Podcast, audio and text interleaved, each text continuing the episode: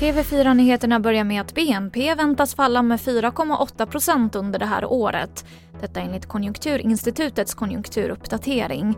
Men KI ser tecken på att efterfrågan och produktionen vänder uppåt. Frida Bratt är sparekonom på Nordnet och hon säger så här.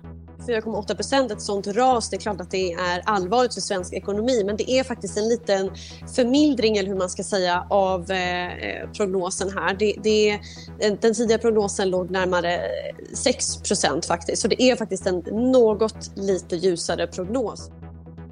När hemtjänsten i Tingsryd i Småland skulle ge ögondroppar åt en patient så råkade de ta fel tub ur kylen och droppade istället i superlim i ögat. Personalen insåg sitt misstag när patienten klagade på att det sved i ögat. Och det här har nu anmälts till Inspektionen för vård och omsorg. Och jag avslutar med att en större vattenläcka riskerar att ge missfärgat eller grumligt dricksvatten i Malmö, Staffanstorp, Vellinge och Svedala. I Björnstorp utanför Lund så rekommenderas invånarna att tills vidare koka sitt dricksvatten.